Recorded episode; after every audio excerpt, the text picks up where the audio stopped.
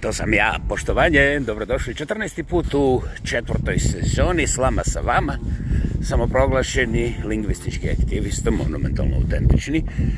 Ja pa ja, ko bi drugi? Vladimir kreće sa legendarnih i prelijepih stjenovitih planina. Na nagradno pitanje koje nikome nemojte reći, niko još uvijek nije ni postavio, mislim, barem ne u pismenoj formi, nema zahtjeva, nećemo formulare dijeliti do sljedeće godine zbog nekih razloga. E, ja ću ipak odgovoriti. Da li je jesen oficijalno stigla?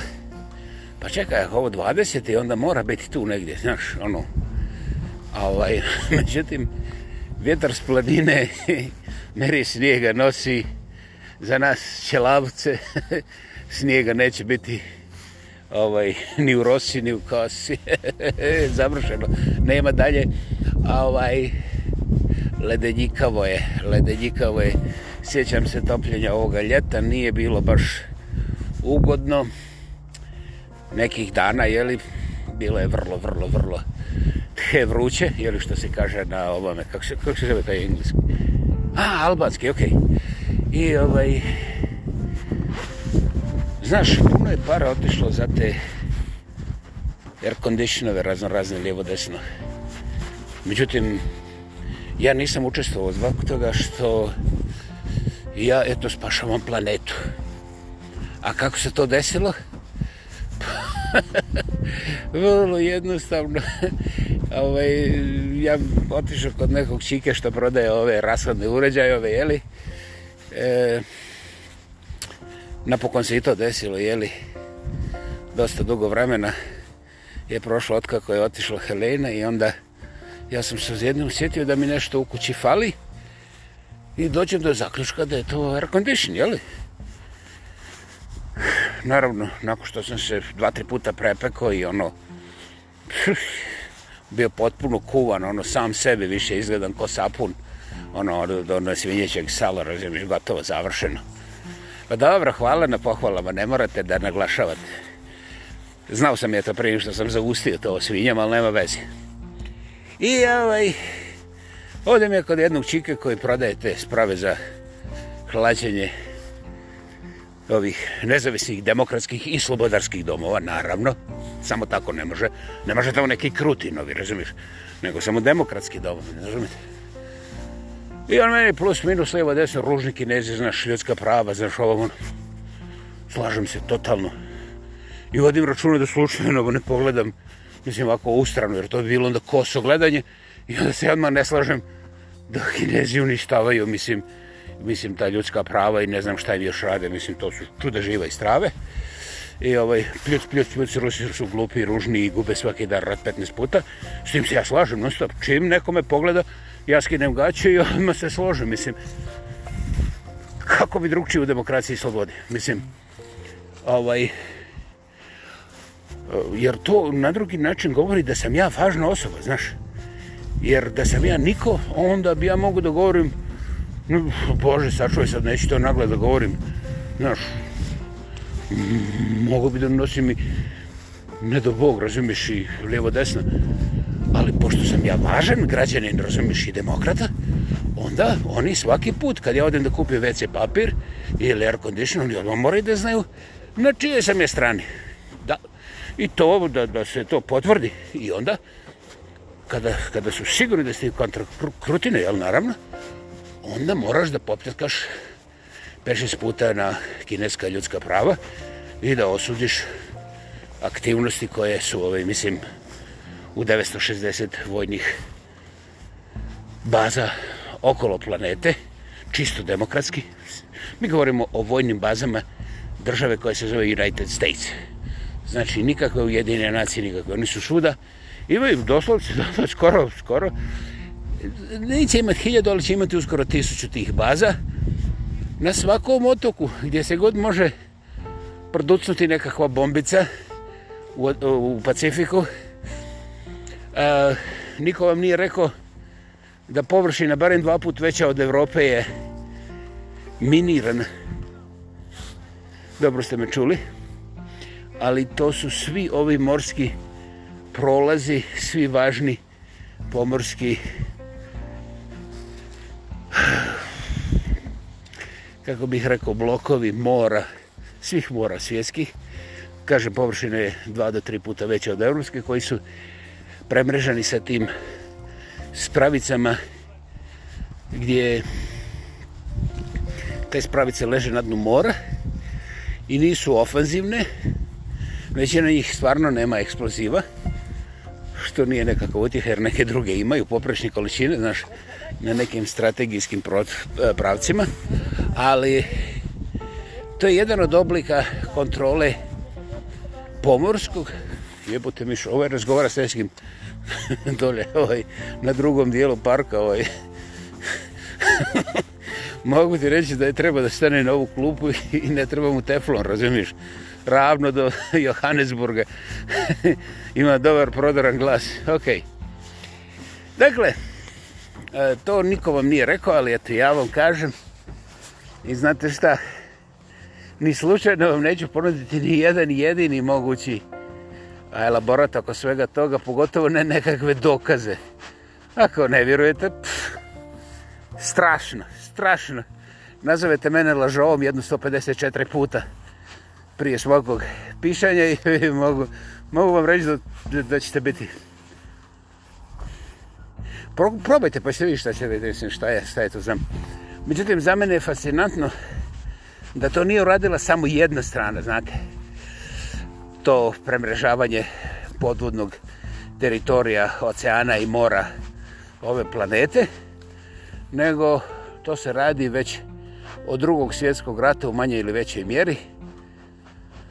I zbog nečega ljudi nisu zainteresirani, pošto se to ne vidi nikom ništa, živi zdravi bili.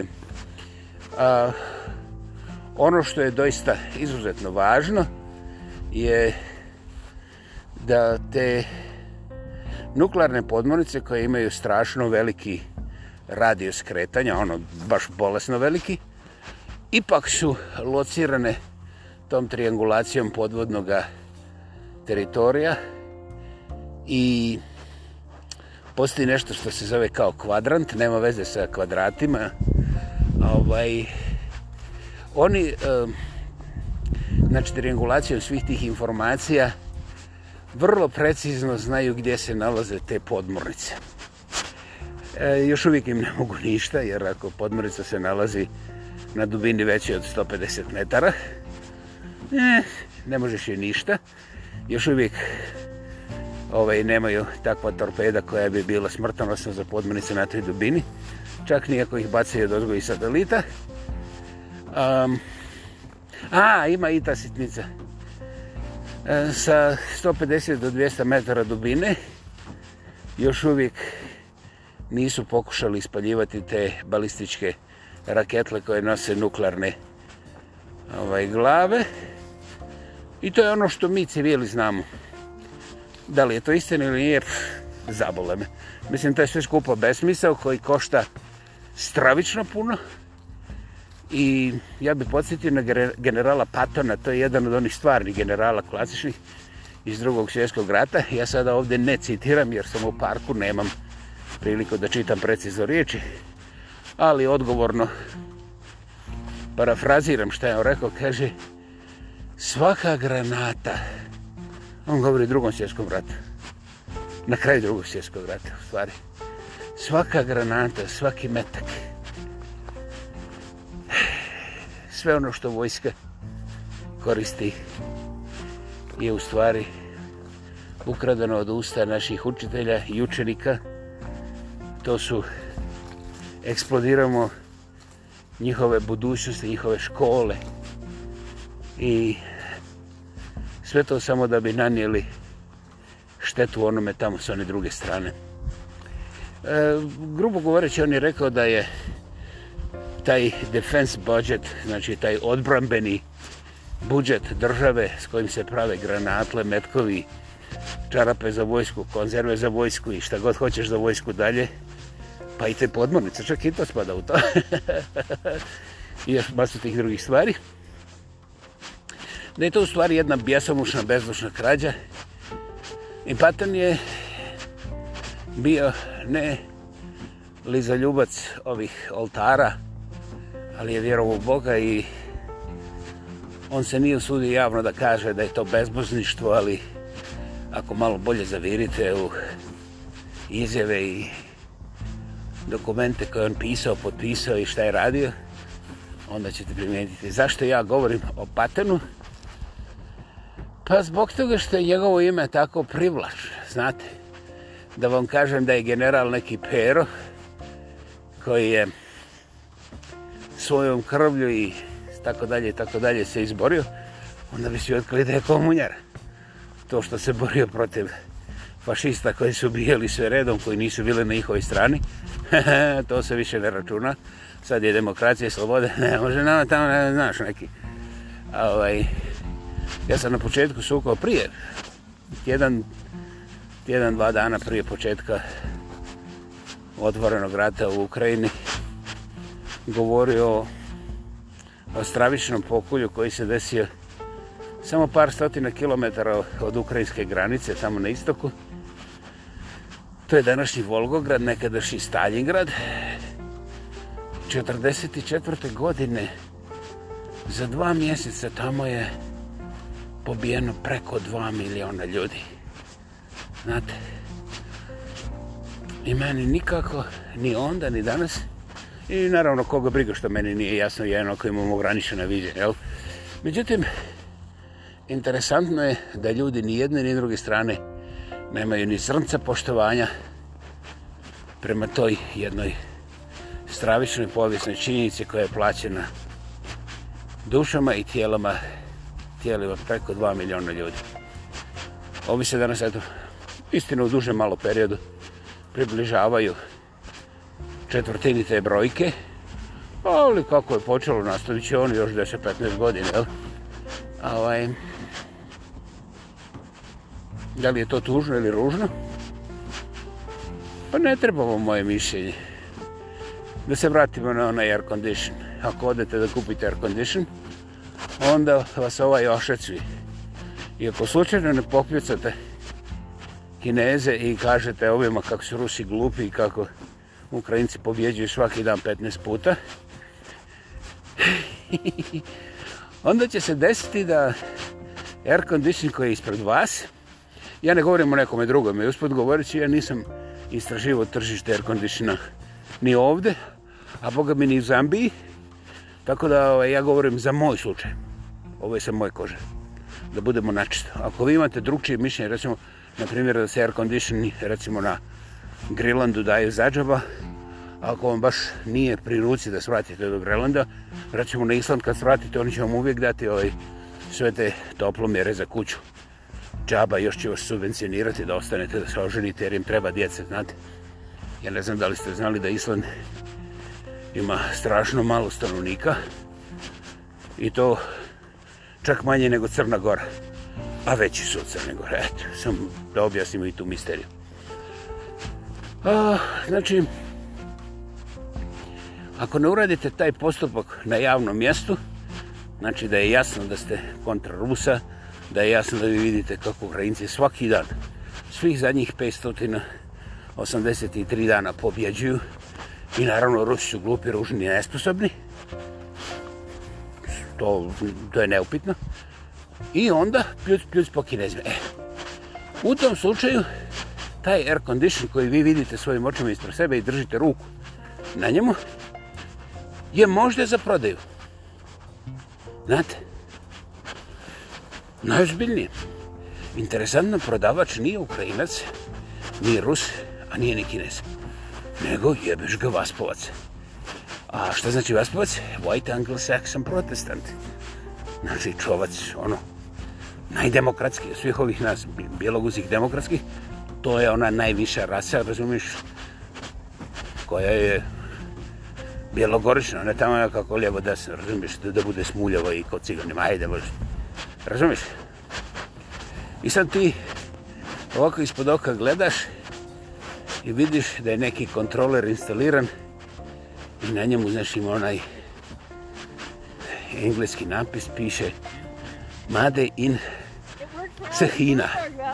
Sad, šta to znači, ne znam, plus plus ljudska prava, razumiš? Ali ne pitaš. I onda ovaj, čovac vidi da si to pročito i ovaj, da nisi ništa pljucnuo, znači izgubio si bodove, sad kad ga pitaš, pa evo ja bi volio ovaj model, evo kako ste vi objasnili, to meni odgovara. I onda čovac kaže, sjajan izbor, sjajan, fantastično, to samo znaju mušterije kao vi, znači obavješteni, moderni, demokratski, slobodni, tako dalje. I ja kažem, dobro, ovaj,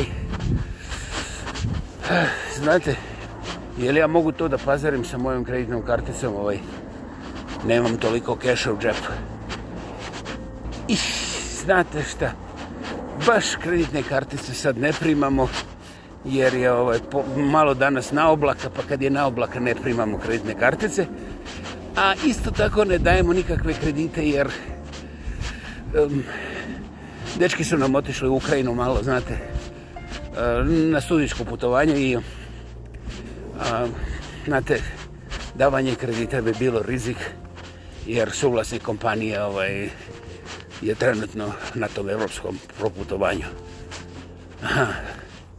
Dobro, a, ako ja odem u banku pa donesem keš, Pa možete pokušati, međutim, mi ne možemo garantirati da neko drugi neće uskočiti umeđu vremenu, jel? Ovaj. Ja se okrenem, vidim ono, znaš, tamo iza vrata, neotvoreni ovi boksevi, oni veliki tog istog uređaja, možda 5-6 komada oko vidim s prednje strane, a koliko je duboko, ne znam. Ne znam. I sad on će to pro pro prodati danas, dok ja odem banku i dok se vratim za jednu sat vremena. I tu bi onda upali se s lampa i mašine, idi preko puta ovaj, u ovaj Tim Hortons, pojedi donat, nemoj jesti, mislim, ovo objašnjenje, jeli? Pojedeš donat, popiješ kavu, ideš kući i lijepo se znaviš ko čovjek, jel? Jel? Eto, sad znate zašto sam se ja ovoga ljeta znoju i mogu vam reći zahvalan sam, zahvalan sam demokraciji, jer prije svega spasio sam nekih 8000 dolara, to je isto kao i 8000, ozbiljno. I ovaj, baš mi ne treba da mi to klempeće iz zui, znaš, jer ima moj susjed istu takvu spravu, zato sam ja smatrao da je ova najpogodnija, jer su nam kuće, znaš, ono, townhouse i to ti je sve presikano jedno kod drugog, znaš. Međutim, kako je počelo zahlađivati, ja sam vidio do tada prvo klepeće, znaš, ono, znaš, ne jako, ali to je onaj zvuk koji ti smeta uvijek. Čak i kad si mrtav, nekako te bocka, onda ne znaš da li bi bio mrtav ili živ kad ti to bocka, znaš, cijelu noć. Dakle, i ove sezone ja sam bio bez air conditionera. E sad ako me pitate kako sam proživio, pa lako, vrte. Lako, ništa lakše od toga. Mislim, da nisam preživio, onda bi se ugasio ovaj naš podcast i to bi bila nacionalna žalost u Koreji. Možda južnoj, ali sigurno sjevernoj. I ovaj, vi ne bi čuli ništa. Dakle, pošto me čujete, onda sam preživio još malih nekih sitnica, tako ovaj, kada su dani prevrući, kada imaš vremena, onda odeš u lokalnu biblioteku. Aha. I to što biblioteke ovde rade, ove javne biblioteke, ja stvarno moram da im se naklonim. Tamo možeš da uzmeš časopise, novine, CD-e, programe, kompjuterske, kompjuterske, Međutim, prostor je izuzetno kvalitetno opravljen, širok, veliki, čist. I zrak je, hehe, pogadili ste, tako čist i tako dobro rashlađen. A imaju uvijek 15-20 kompjutera najmanje, na kojima možeš, šta ja znam, da igraš soliter. To je vrlo intelektualna igra koja sam ja ovaj, postigao neke svjetske rekorde koji svijet ne zanimaju, ali za mene su strašno važni, presudno važni. I šta kažeš, za soliter mi ne treba internet?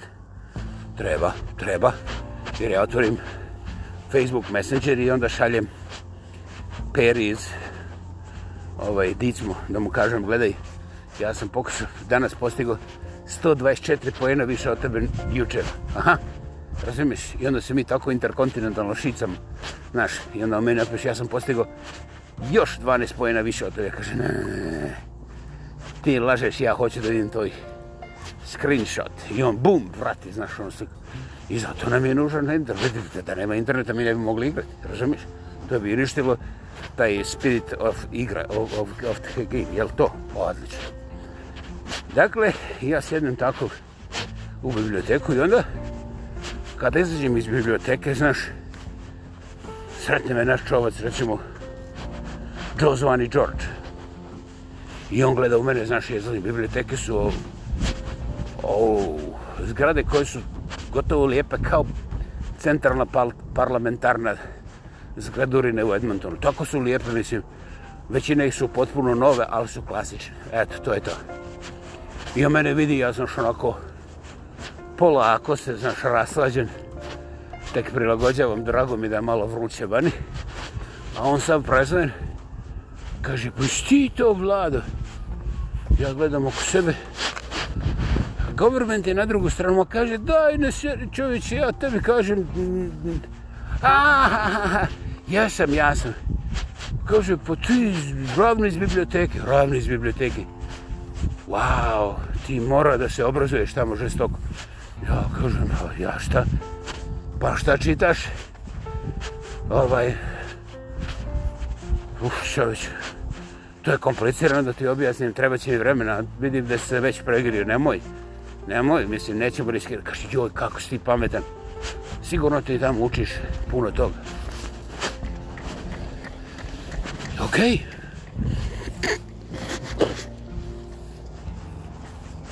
Ja vidim, čovac se ovaj zino od oduševljenja. I ja onda, znaš, još mu dodam kako je to kompleksno. A složeno, znaš. I, mislim, što kažeš, pleonazam? Pa nisam pleo, ali... Šta je to drugo? A, to je to za ono, znaš, isto, isto, isto značenje različit. A, o, a to, pa znam ja toga, ima toga, ima, uh, ima toga. Samo neću s margarinom. Ne, samo kutar.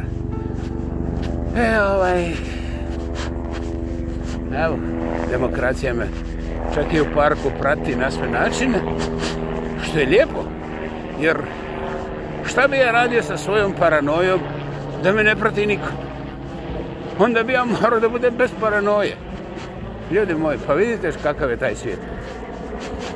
Dakle, a sad već ima jedno, huh, mora biti desetak dana, ništa od vreline.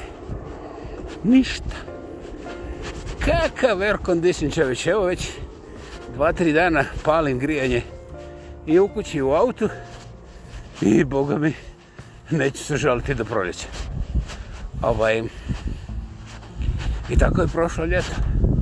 Ja se nadam da ste vi imali dobro ljeto i što sam ono htio reći? E, ne radi se o zaboravnosti. Dugo vremena razmišljam da vas pitam Da li ste nas preporučili nekome u svojoj okolini? Ako jeste, imate ovdje dole ispod ovoga link direktno za moju e-mail adresu. Ja ću kasnije objaviti ovaj pol. Pa se javite. Pa mi recite. I druga stvar. Ja bih volio čuti da li ovdje ima sadržaja koji se vama onako nije baš pretjerano svidio ili recimo nešto što biste voljeli čuti. Poruka je otvorena i u svakom slučaju šta god vi predložite, ja ću to pri svega zahvaliti vam na trudu i ozbiljno razmotriti. U tome duhu i sluhu ja vas najsrdačnije pozdravljam. Bila je ovo u četvrtoj sezoni 14. slama sa vama. Govorio je, kao i uvijek, samoproglašeni lingvistički aktivista, monumentalno autentični, ja pa ja, a ko bi drugi, Vladimir Kreća sa legendarnih i prelipih stanovitih planina. Hvala.